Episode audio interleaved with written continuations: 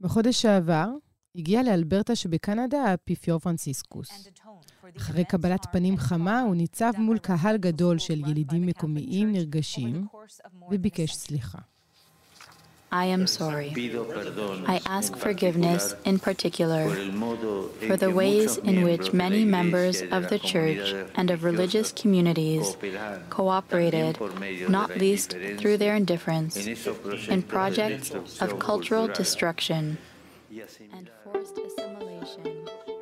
לא רחוק מהמקום שבו התקיים הטקס, בשטחה של פנימייה ישנה, התגלה בשנה שעברה קבר אחים של ילדים אינדיאנים. אל הפנימייה הזו, כמו אל פנימיות רבות אחרות שמימנה המדינה והפעילה הכנסייה, נשלחו הילדים בכפייה.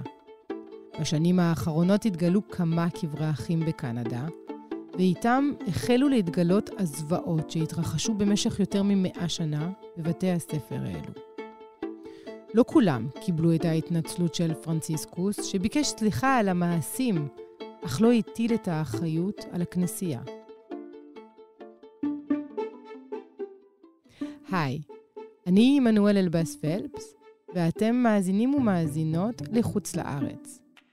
היום ננסה להבין מה קרה בפנימיות לילידים בקנדה, שהפכו למוסדות של אימה ומוות. מה חלקה של הכנסייה בזה, ולמה חברה שמתגאה ברב-תרבותיות שלה, התקשה עד היום לשלב בתוכה את האינדיאנים. שלום לעורכת דין מיכל דרור סגל ארנולד, מומחית לתנועה האינדיאנית בצפון אמריקה. שלום, שלום. אני רוצה לשאול אותך איך נכון להתייחס לקבוצה שבה אנחנו uh, דנות היום. האם נכון יהיה לדבר על האומות הראשונות, על ילידים או על אינדיאנים? זה, זאת שאלה מאוד מאוד טובה, שהתשובה היא, לה היא לא פשוטה. Uh, צריך לזכור שמדובר בהרבה מאוד אנשים שמחולקים להרבה מאוד עמים או שבטים, קבוצות. Uh, יש הרבה מאוד תרבויות. יש דברים שחוזרים על עצמם, אבל התרבויות הן מאוד מאוד שונות אחת מהשנייה. וכשאת נפגשת עם אדם uh, אינדיאני, uh, בדרך כלל כשאנשים נפגשים, תכף הם שואלים אחד את השני, מאיפה אתה, זאת אומרת, מאיזה שבט אתה, uh, ובעצם זה, מאיזה, איזה שפה אתה מדבר, ומי ההורים שלך. זה, אלה בעצם התשובות. עכשיו, uh, רוב השמות של העמים האינדיאנים, שאת שואלת אותם מה פירוש השם אה, בשפה שלהם, זה בדרך כלל האנשים האמיתיים, או אנחנו האנשים, או אה, האנשים פשוט. אה, עכשיו, כשאנחנו מדברים עליהם, אז צריך לשאול גם מה האפשרויות. מה, ילידים זה מילה יותר טובה? אני לא חושבת. יליד זה מילה שלפחות בעברית הקונוטציה שלה היא, היא לא נעימה, היא לא טובה. יליד זה ילד. אה, מישהו שהוא חסר השכלה קטן, אה, לא נחשב. אז לפי דעתי המילה הזאת היא לא מילה טובה. עכשיו, בקנדה אומרים First Nations באמת, אה, שזה נהדר, וגם מראה על כבוד, זאת אומרת, גם מכירים בהם כמי שהיה שם ראשונים. אנשי האומות הראשונות. אבל זה לא, זה לא מאוד מאוד פוליטיקלי קורקט עד גבול צבוע? זה מאוד צבוע, וגם אני חושבת שבעברית אין לזה באמת משמעות, את יודעת, כי...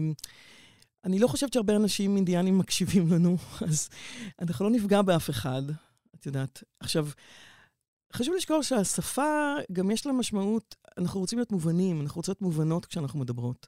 וכשאומרים בשפה עברית אינדיאנים, אנחנו יודעים על מה אנחנו מדברים. אמנם יש את כל הקונוטציות של הסרטים, אה, איך הם אה, הוצגו בסרטים בצורה שגם כן לא נכונה, אה, אבל אני חושבת שהמילה אינדיאנים היא מילה בסדר, מה גם שהתנועה האינדיאנית, שאני חקרתי אותה בדוקטורט שלי, קראו לה American Indian Movement. זאת אומרת, גם הם בעצמם קראו לעצמם אינדיאנים, והמטרה שלהם הייתה ליצור תנועה שהיא תנועה שמקיפה את כל האינדיאנים בארצות הברית ובקנדה. אז הם בעצמם קראו לעצמם אינדיאנס, וזה בסדר. אז אנחנו התכנסנו כדי לדבר על, אמ, עליהם, על אינדיאנים ילידים, אנשי האומות הראשונות. אה, האפיפיור היה בביקור בקנדה, והוא בא להתנצל על מה שקרה להם. אנחנו נספר מה קרה להם. בקנדה. אבל ההתנצלות הזאת לא לגמרי התקבלה, הייתה הרבה ביקורת אחר כך. תפרטי לנו למה זה לא, אמ, למה זה לא ריצה את המטרה. צריך לזכור שהלבנים הביאו חורבן עצום ונורא על האינדיאנים בצפון אמריקה. בדרום אמריקה זה היה יותר ב, באמת בטבח נורא, היו קרבות באמת ופשוט הרגו בהם. בצפון אמריקה, לדעתי זה היה אפילו יותר אכזרי, כי מה שהתבצע שם זה היה אה, ניסיון ל, לרצח תרבותי. זאת אומרת, הם ניסו להשמיד אותם מבחינה תרבותית. באנגלית משתמשים במילה genocide. Genocide. cultural ג'נוסייד, בדיוק. ההתנצלות, לבוא אחרי כל כך הרבה שנים, לעמים שהם כל כך מפורקים, אנשים שהם כל כך, אה, באמת במצב קשה, שמנסים להרים את עצמם. עד 1978 בארצות הברית, הטקסים האינדיאנים היו אסורים לפי החוק. זאת אומרת, ניסו באמת, היה ניסיון פשוט באמת להשמיד אותם. לבוא בשנת 2022, להתנצל, מה זה שווה? מה, מה זה באמת שווה? בסוף המאה ה-19 החלו לקום בקנדה פנימיות לילדים ונערים אינדיאנים, שכונו Residential Schools. ראש ממשלת קנדה באותן שנים, ג'ון איי מקדונלד, החליט לאמץ את המודל שהיה מקובל בארצות הברית, להרחיק את הילדים מהמשפחות והקהילות שלהם. הילדים נלקחו מבתיהם ונמסרו לפנימיות שנוהלו על ידי כנסיות, ובראשן הכנסייה הקתולית. מטרתם המוצהרת של בתי הספר הייתה לתרבט ולחברת את הילדים ואת הילדות האלה. באותן שנים הגדיר זאת אחד ממנהלי הפרויקט בצפון אמריקה, להרוג את האינדיאני ולהציל את האדם. על התלמידים נאסר לדבר בשפת אמם או ללבוש את הבגדים שלהם, והעונשים על אי-ציות היו קשים ואלימים. הילדים חוו לעיתים קרובות התעללות נפשית, פיזית וגם מינית. When the little girl died beside me, she would have been, she must have been about six. Um, I was scared uh, why the parents were not there. That's what I was scared about. And I knew they would have a, they wouldn't feel comfortable for not being there when their daughter is dying. They were never notified. ב-1920 עבר במדינה חוק שחייב את כל הילדים מהקהילות הילידיות ללכת לבתי הספר האלו. עשור לאחר מכן, בשיא הפעילות, פעלו בקנדה 80 בתי ספר מסוג זה. בשנות ה-70 המערכת דעכה, אבל בית הספר האחרון נסגר רק ב-1997. לפי הערכות, בסך הכל, 150 אלף ילדים, ילדות, בני ובנות נוער למדו ב-139 בתי ספר לחינוך מחדש שפעלו במשך השנים. חלק מהילדים שנשלחו לפנימיות מעולם לא שבו הביתה. שיעורי התמותה במוסדות האלו היו גבוהים מבשאר האוכלוסייה בשל התנאים הפיזיים והנפשיים הקשים. כדי לחסוך בכסף, ובשל היחס המזלזל, נקברו הילדים בקברי האחים, ליד הפנימיות. כשהורים מודאגים ניסו לברר מה עלה בגורל ילדיהם, הם קיבלו תשובות מתחמקות. נאמר להם שהילד ברח, או שלבית הספר אין מידע. בשנים האחרונות חשפו חוקרים קברי האחים, והאמת החלה לצאת לאור. תספרי קצת יותר איך זה עבד, הרי אלה לא בתי ספר שההורים שלחו לשם את הילדים מרצון. הגיעו אה, במקרים מסוימים אה, כלי רכב מכל מיני סוגים.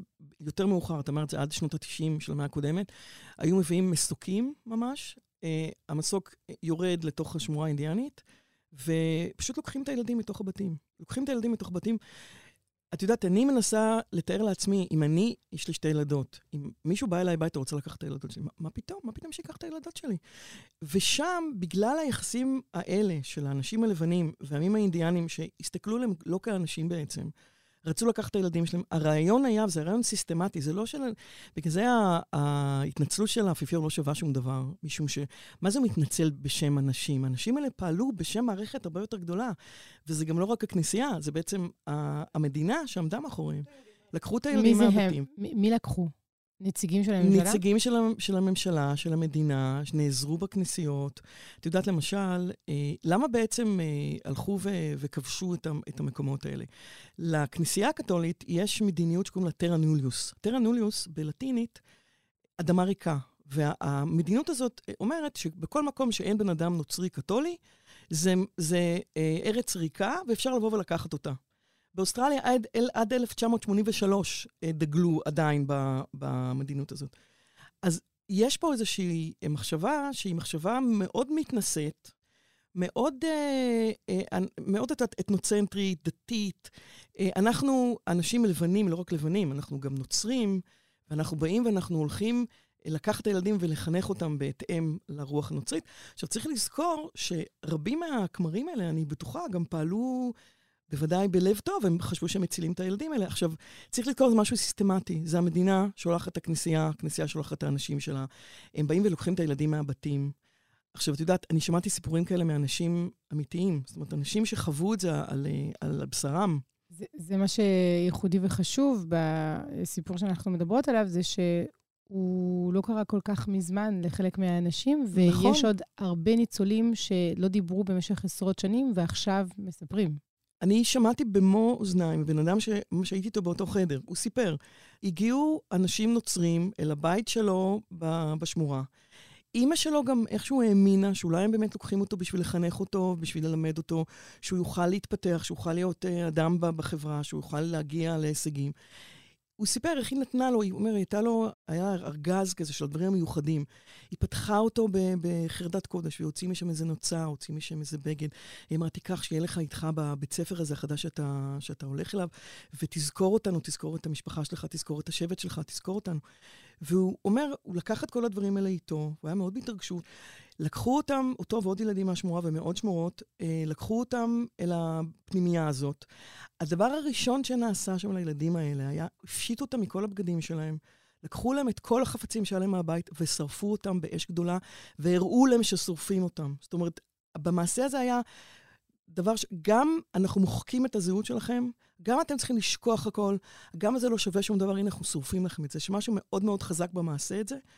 אחר כך הם סיפרו אותם, יש תמונות של הילדים עם השיער ארוך ואחר כך עם שיער הקצר, ומבחינתם זה מין אה, תמונות כאלה של לפני ואחרי. את יודעת, הנה הילדים האינדיאנים הגיעו מהשמורה, הנה אנחנו שרפנו להם את הבגדים, שמו אותם בבגדים, אה, אה, בבגדים של לבנים, חליפות, עניבות וכל זה.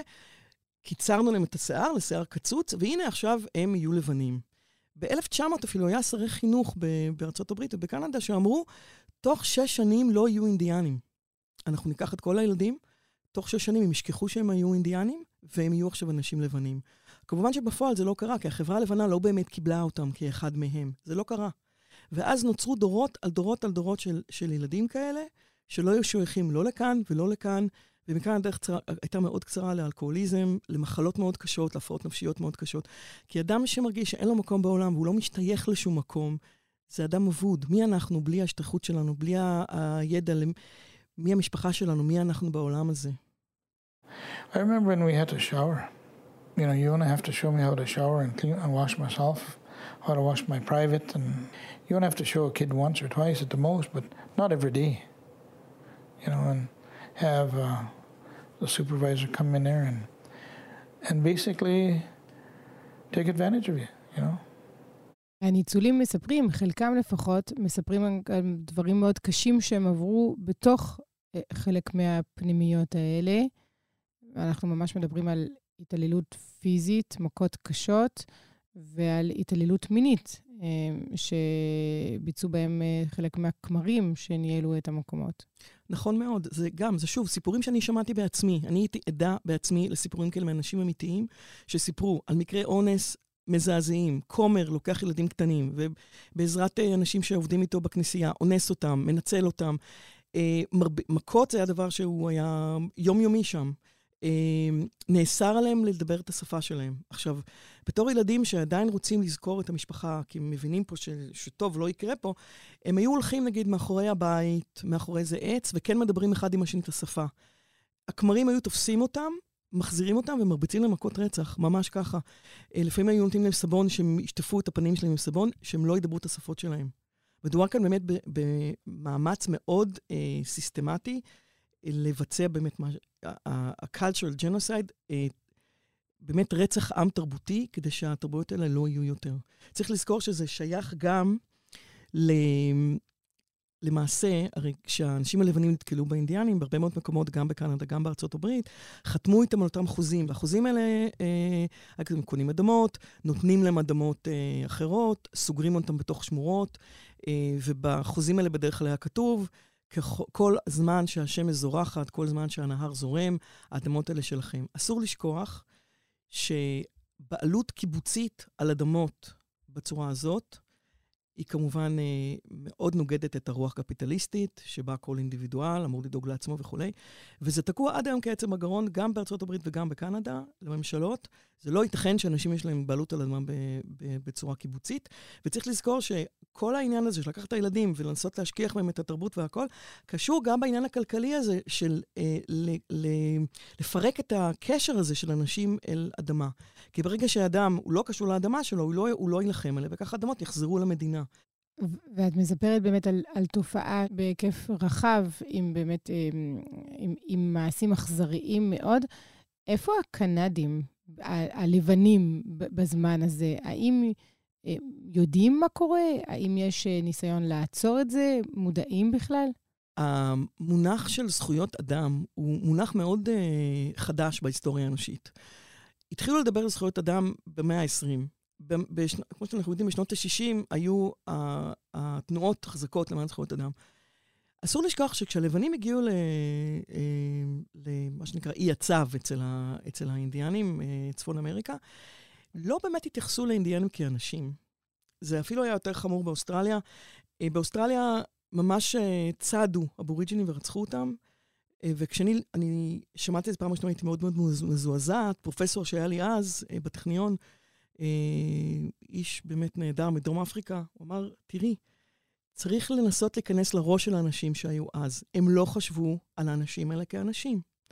את יודעת, אפשר גם אה, לעשות אה, איזושהי השוואה, את יודעת, יהודים לא אוהבים להשוות, שמשווים את השואה לשום דבר, כן, השואה רק של היהודים, אבל צריך לזכור, גם בזמן שהשואה קרתה, היו הרבה אנשים באירופה שידעו, שחשדו.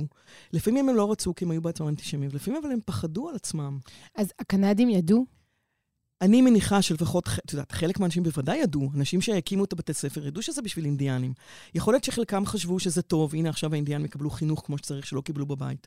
יכול להיות שהם חשבו, הנה עכשיו האינדיאנים יבואו לכאן ואנחנו נפתח אותם, אנחנו נקדם אותם. הרי מאיפה תחילת החטא? החטא הרי מתחיל בזה שלא שואלים את הבן אדם מה הוא רוצה. לא שואלים אותו, איך קוראים לו. לא שואלים אותו מה הוא באמת מבקש בשביל עצמו. אבל צריך לזכור שהמחשבה, את יודעת, הנרטיבה הדומיננטית, מה שאנשים חשבו לעצמם לגבי אינדיאנים, זה לא מה שאנשים חושבים היום. אז חשבו, זה אנשים פראיים, צריך לעזור להם. וואו, אולי המדינה עושה משהו טוב בשבילם. אז איך האוכלוסייה היום מתייחסת לכל הסיפור הזה? כי ב-2008, מי שהיה ראש ממשלה אז, סטפן הרפר, התנצל. ואז הוקמה גם קרן פיצויים, והוחלט שיועברו כמעט 2 מיליארד דולר אה, לאוכלוסיות אה, שנפגעו, וככה התחיל לכאורה תהליך הריפוי והפיוס בין הקהילות האינדיאנות לבין שאר קנדה. האם זה באמת נושא שמעסיק את האוכלוסייה הכללית, או שהוא נשאר נחלתם של אלה שנפגעו או צאצאים של אלה שנפגעו? לפני, קצת לפני הקורונה, אני ביקרתי אצל החברים שלי בשמורת רוזו ריבר במניטובה. הראה לי אז uh, ג'ים, חבר מאוד מאוד טוב שלי, uh, שמן בעצמו, מנהיג רוחני. עשו אז uh, סדרת טלוויזיה בקנדה, ששאלו אנשים קנדים, מי אתם חושבים שזה אינדיאנים? ממש, השאלה שלך. ולג'ים היה נורא חשוב שאני אראה את זה, שאני אדע מה קנדים חושבים על אינדיאנים היום. ואת רואה אנשים לבנים, נחמדים, ששואלים אותם מה הם חושבים על אינדיאנים, אז הם אומרים, אלה אנשים שעבר זמנם, אלה אנשים אה, שלא שייכים למאה הזאת, אה, אלה אנשים שבטח ירצחו אותי אם, אה, אם יפגשו אותי. עכשיו, מפגישים אותם עם אנשים אינדיאנים, ואז אומרים, אוי, ממש הם אנשים כמונו. זאת אומרת, מה אני מנסה להגיד? כן. כלומר, בעיני הקנדים הלבנים, כן. האינדיאנים הם עדיין לא באמת חלק מאותה אוכלוסייה שאליה משתייכים. לגמרי. וצריך לזכור שאף פעם זה לא היה ככה. אף פעם לבנים לא באמת קיבלו את האינדיאנים אה, לתוכם. זה אף פעם לא היה. זה לא יכול לקרות. אני ישבתי עם חברים אינדיאנים בכל מיני diners כאלה בדרך וכל מיני. את רואה את הפחד של האנשים הלבנים, את יודעת, והוא יושב לידי מישהו כזה שהוא חבר שלי, אני חיה איתו. הוא אומר לי, כן, הם חושבים ש-the Indians are restless. כאילו, יש פחד עדיין מהאינדיאנים. אז ואחרי סטפן הרפר היה גם ג'סטין טרודו, ראש הממשלה הנוכחי, שנורא אה, מנסה להציג את אה, קנדה כ- ולמתג אותה כמדינה רב-תרבותית שמקבלת לתוכה את כל המיעוטים שבה. כל זה הצגה? אני בטוחה שהם מתכוונים לטוב. אין לי שום ספק שג'סטין טרודו מתכוון לטוב. אני, באמת, אני מאמינה לו. רק צריך לזכור שהבעיות הן כל כך uh, עמוקות וכל כך uh, ישנות, והפירוק וה, החברתי הזה, יש לו השלכות לשנים רבות קדימה. וזה לא שאת יודעת, uh, כסף יכול, את יודעת, לרפא הרבה מאוד uh, בעיות. אפשר uh, להקים בתי ספר נחמדים, אפשר לתת אותם לאינדיאנים שיקימו בתי ספר. אבל מדובר ב, ב, במשפחות מפרקות, בעמים מפורקים, זה ייקח הרבה יותר מאשר התנצלות, ו, ובוא, איך אומרים בארצות הברית? Uh, let's, let's throw some money on this problem. זה לא עובד ככה.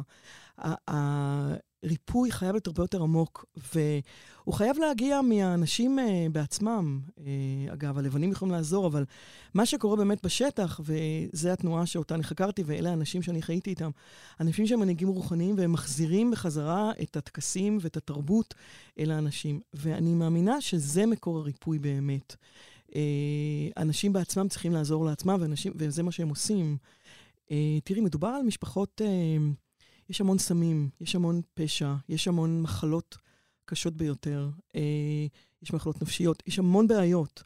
אבל מה שבאמת קורה בשטח ומה שבאמת עוזר, זה העמים שמחליטים אה, להתגייס לטובת האנשים שלהם ולהחזיר, שוב, אדם לבדו לא יכול אה, לפתור בעיה שנוצרה באופן סיסטמטי. זה, זה לא יכול לקרות. זה חייב להיות מה, אה, מאמץ שהוא מאמץ אה, סיסטמטי. אחת הדרישות שעדיין קיימות, אה, כל פעם, בכל הטענות שעולות של הילידים מול הממשלה שבאה ומתנצלת בסבבים אה, שונים, זה לומר, בסדר גמור, התנצלות זה דבר יפה, אבל אנחנו עדיין לא יודעים את כל הסיפור. אה, התגלו אה, קברים, קברי אחים, בשנת 2021, וגם לפני כן, מתחת למעט פנימיות שעדיין קיימות ולא נהרסו לחלוטין. והעניין הוא שזאת גם שיטה נוראית, היו אה, ילדים חולים או ילדים מתים, וילדים אחרים, חברים שלהם, התבקשו לחפור את הקברים שלהם, והם נגברו מתחת לבית הספר, ואף אחד לא הודיע לאבא ואימא שהילד לא יחזור. ועד היום יש הרבה מאוד משפחות שלא יודעות מה קרה לסבא, דוד, סבא רבא, ובטח לא יודעים איפה הוא נמצא, איפה העצמות שלו. כמה להערכתך יש עוד אמ, גברים שצריך אה, לגלות, או אנשים שלא יודעים מה עלה בגורלם? וואי, אי אפשר לדעת, את יודעת, פשוט אי אפשר לדעת. את לקחו את הילדים, נתנו להם, כמו שאת אמרת, או מספרים או שמות אחרים. את יודעת, הגיע ילד שקראו לו בשפה שלו אה, לוחם אמיץ, או אה, סוס מהיר, או אה, צב ביישן. קוראים לו בשפה שלו את השם היפה של הטבע, והוא מגיע לפנימייה וקוראים לו בשם אחר. אף אחד בכלל לא יודע אה, מה השם המקורי שלו. יכול להיות שאפילו לא, לא יודעים מאיפה הוא הגיע, כי הניסיון היה לעשות להם האחדה הרי. יכול להיות שבכלל לא שמרו את הרשימות של הילדים האלה, כי לא באמת היה אכפת מהם. אז גם אנחנו לא יודעים איך קוראים להם, אנחנו לא יודעים מאיפה הם הגיעו, אנחנו אפילו לא יודעים. גם אם היינו רוצים אולי, אנחנו לא יודעים להודיע לאימא. והעובדה שהיו קברים כאלה של, את יודעת, אה, קברי אחים כאלה, מוציאים את השלדים, וזה שלדים של ילדים, זה הרי, זה הרי מזעזע, זה פשוט מזעזע. ולא הודיעו להם. את יודעת, אני תמיד, זה תמיד מזכיר לי את הסיפור של ילדי תימן כאן ב- בישראל. לקחו ילדים תימנים מהמשפחות שלהם, והמשפחות שלהם עד היום לא יודעות מה קרה לילדים האלה. תחשבי על זה גם מהבחינה של... אה, מה אני חושב על עצמי כבן אדם? מה אני חושבת על עצמי? לקחו לי את, ה- את הילד, חס ושלום, ואני לא יודעת מה, אין לי שום כלים לבדוק מה קרה איתו. אישה כזאת, היא מגיעה, אולי אפילו הייתה, אולי אפילו הגיעה לבית ספר, שאלה. אמרו לה, אנחנו לא יודעים, תלכי מפה. אוכלוסיית הילידים בקנדה כוללת שלוש קבוצות עיקריות, האומות הראשונות, בני המטיס והאינואיטים. כמיליון שבע מאות אלף איש במדינה מזדהים כשייכים לקבוצות אלה, ונכון ל-2016 הם מהווים כחמישה אחוזים מתוך 38 מיליון תושבי המדינה. בני האומות הראשונות שייכים למעשה ל-50 שבטים, שלכל אחד מהם שפה ייחודית. לפי הערכות, כשהגיעו המתיישבים לאזור קנדה במאה ה-17, היו שם בין 350 אלף ל-500 אלף ילידים, בני קבוצות שונות. עוד לפני תקופת ההתיישבות כבר הגיעו מיסיונרים נוצרים ליבשת, במטרה להמיר את דתם של התושבים, מאמצים שהתחזקו והתמסדו במקום המושבות החדשות.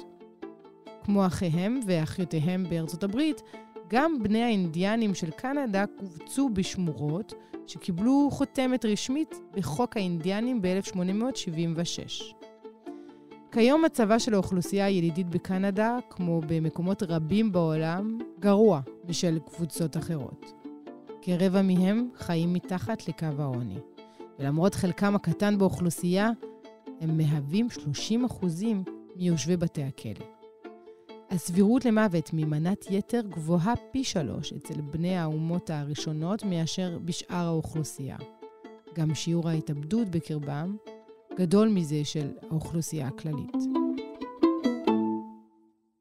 כשאנחנו מדברות על uh, האינדיאנים בקנדה, האם את יכולה uh, לתת לנו תמונת מצב מצד אחד היסטורית, מצד שני עכשווית, כלומר, על כמה אנשים אנחנו מדברות, כמה שמורות, ואיך uh, האינטראקציה בין שמורה לשמורה, בין שבט לשבט? Um, למה האינדיאנים גרים בשמורות? Uh, גם השם הזה, שמורה, reserve או reservation, זה גם כן, כאילו, איפה שמכסים את החיות ונועלים אותם, שזה גם מראה את היחס לאינדיאנים בזמנו ועד היום. לא, אבל זה גם מקום שמור, יש בזה דווקא קונוטציה שהיא... אה, חיובית. למה צריך לשמור אם אנשים שהם אחראים על עצמם, למה צריך לשמור עליהם? את מבינה? זה, זה בעייתי. לשים קבוצה... הם שומרים על הטבע, לא? לא, לא. שמורה זה לא היה בשביל לשמור על הטבע, שמורה זה היה בשביל לשים אותו במקום אחד, בשביל שיהיה שליטה. הלבנים הגיעו לארה"ב, לקנדה, וחתמו על החוזים האלה עם האינדיאנים, שהחוזים אמרו, אנחנו קונים מכם אדמות ואנחנו נשים אתכם בתוך, uh, בתוך שמורות. למה? כי רצו לשלוט בהם. אנשים נודדים זה אנשים שאי אפשר לשלוט, לשלוט בהם, ולכן המשטר הלבן רוצה לשים אותם קודם כל במקום אחד. כלומר, להגדיר את הטריטוריה שבה יכולים לגור האינדיאנים. כמה חלקים של טריטוריה? טריטוריה מסוימת, ששם הם חיים, ויש מסביב גדר, והם לא יוצאים משם. זה השמורה. יש גדר. יש גדר. היום זה כבר לא ככה, היום כבר אין גדרות. עכשיו, קשה לדעת כמה בעצם אינדיאנים יש, כי אה, שיטת הספירה היא מאוד בעייתית. בש... במאה ה-19 היה ניסיון אה, שכל בן אדם אינדיאני יכתוב את עצמו, זה קראו לזה רולס, כאילו רשימות כאלה של אנשים, ואחר כך ניסו להגיד, טוב, רק מי שהוא נכתב ברול, אז uh, יהיה לו זכות לאדמה. אבל לא כל האנשים רצו לכתוב את עצמם ברולים. צריך לזכור עוד פעם, אנשים שחיו ב, uh, בתרבות נודדת, שזה מגיע עם חופש, שזה מגיע עם התחושה שכל מקום הוא מקום שלי, שאני יכול ללכת לכל מקום, ופתאום סגרו את המשמעות. למה שהאנשים האלה בכלל יסמכו על מי שסגר אותם וייתנו להם את כל השמות?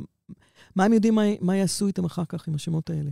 שלא לדבר עוד פעם שחלק מהשמות היו בכלל לא הגיוניים לאנשים האלה ולמי שסגרו אותם בשמורות. מה זה אה, חץ לבן? מה זה בפלו?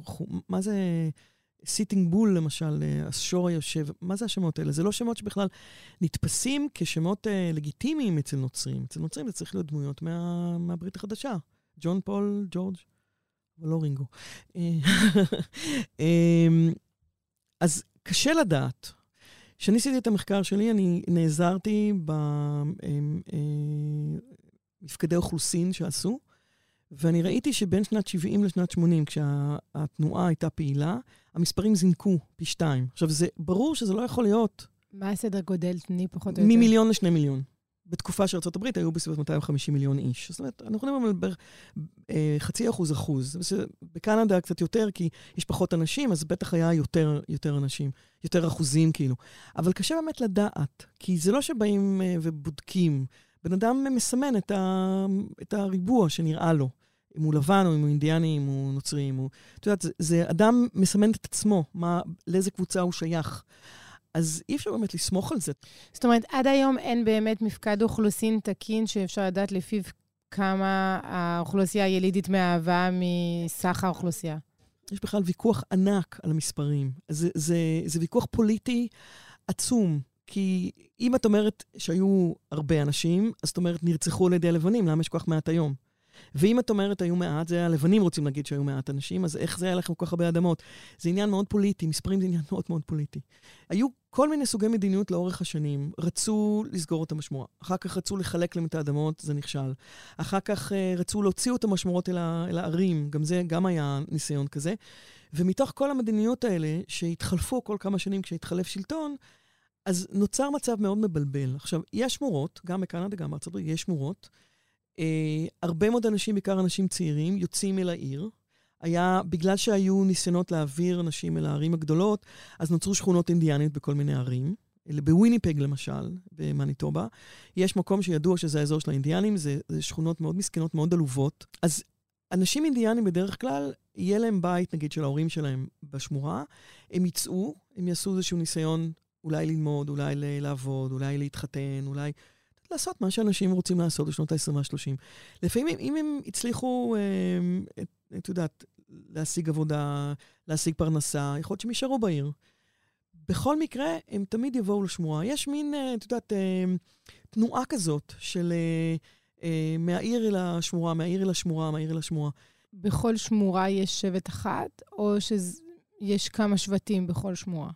בדרך כלל שמורה יהיה בה זהות מסוימת של שבט מסוים, אבל לשבט אחד יכול להיות שיהיה כמה שמורות, ויש אה, שמורות שיהיו נגיד אה, יותר מזהות אחת. גם, את יודעת, יש גם אה, אנשים נפגשים, הולכים, באים, מתחתנים, יולדים ילדים.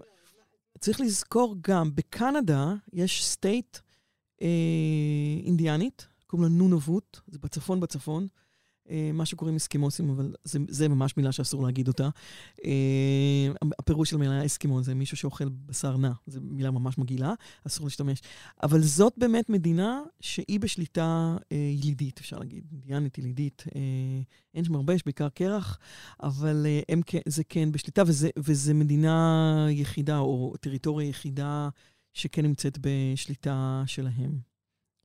היום כשמדברים על תהליך הפיוס, האם זה אומר שאם נדליק טלוויזיה בקנדה, אנחנו נראה יותר סרטים שבהם יש גיבור אינדיאני עם דמות חיובית? האם התרבות האינדיאנית הילידית נמצאת בלב התרבות הקנדית? זה קורה? Uh, הקולנוע, יש לו תפקיד מאוד מעניין בכל היחסים בין לבנים ואינדיאנים. באמת, uh, תפקיד מאוד מעניין, כי המערבונים הראשונים נוצרו, עוד בסרטים האילמים, זה היה על בסיס אה, מה שהיה בזמנו ה-Wild West Shows. היה מין קרקסים כאלה, אה, ובאמת לקחו אינדיאנים שכבר היו סגורים בשמורות, אז היה להם בכיף שלהם לבוא ולרכב קצת על סוסים, ו... ואחר כך צילמו את זה לסרטים אה, אילמים, ואחר כך זה נהיה מזה מערבונים, והיו מערבונים אה, של ג'ון פורד, ממש קלאסיקות בהוליווד. אה, ואחד הדברים שאני חקרתי כשעשיתי דוקטורט על התנועה האינדיאנית, היה לראות איך הדמות האינדיאנית משתנה בקולנוע. ומה שאני ראיתי זה שהיה שינוי מאוד גדול אה, מלהתייחס לאנשים אינדיאנים כחבורה, כחיות אפילו, נגיד רואים את זה ב-searches עם ג'ון ויין, של ג'ון פורד, אה, רואים אותם תמיד בתור חבורה שהם צורכים והם פעמים ברקע, לא רואים פנים של בן אדם מסוים. רואים אותם רק כזה ואומרים, אתה יודע, דיברנו על סטריאוטיפי, זה רק סטריאוטיפי. אחר כך יש התפתחות קצת, אה, נגיד רואים בן אדם ספציפי, עם דאגות ספציפיות, עדיין באותו זמן אה, שיחקו אותם אנשים לבנים. ו, ורק אחר כך, בשנות ה-90 שהייתי חייתי בארצות הברית, היה הסרט הראשון שנעשה על פי אה, ספר שכתב אותו אדם אינדיאני, שרמן אלכסי, מצפון מערב ארצות הברית, אה, שבט קורדליין, וזה נקרא Smoke Signals. Smoke Signals, זאת הסטריאוטיפ של אינדיאנים שמשדרים בעשן, שבאמת זה נכון. וזו הייתה פעם ראשונה שהיה סרט שבאמת הראה דמויות אינדיאניות אמיתיות, עם בעיות אינדיאניות אמיתיות. היו שם כמה דמויות, לכל אחד היה את הסיפור שלו. השחקנים היו אינדיאנים? השחקנים היו אינדיאנים, זה משנות ה-90. אז מאז, יש כן יותר ויותר סרטים, זה עדיין מאוד מעט. מעבר אבל לקולנוע, אני מנסה להבין אם באמת יש משהו קונקרטי בתרבות הרחבה בקרב החברה הקנדית שמצליח לחבר בין בעצם שתי האוכלוסיות האלה, שנדמה שלא באמת נפגשו עד הסוף.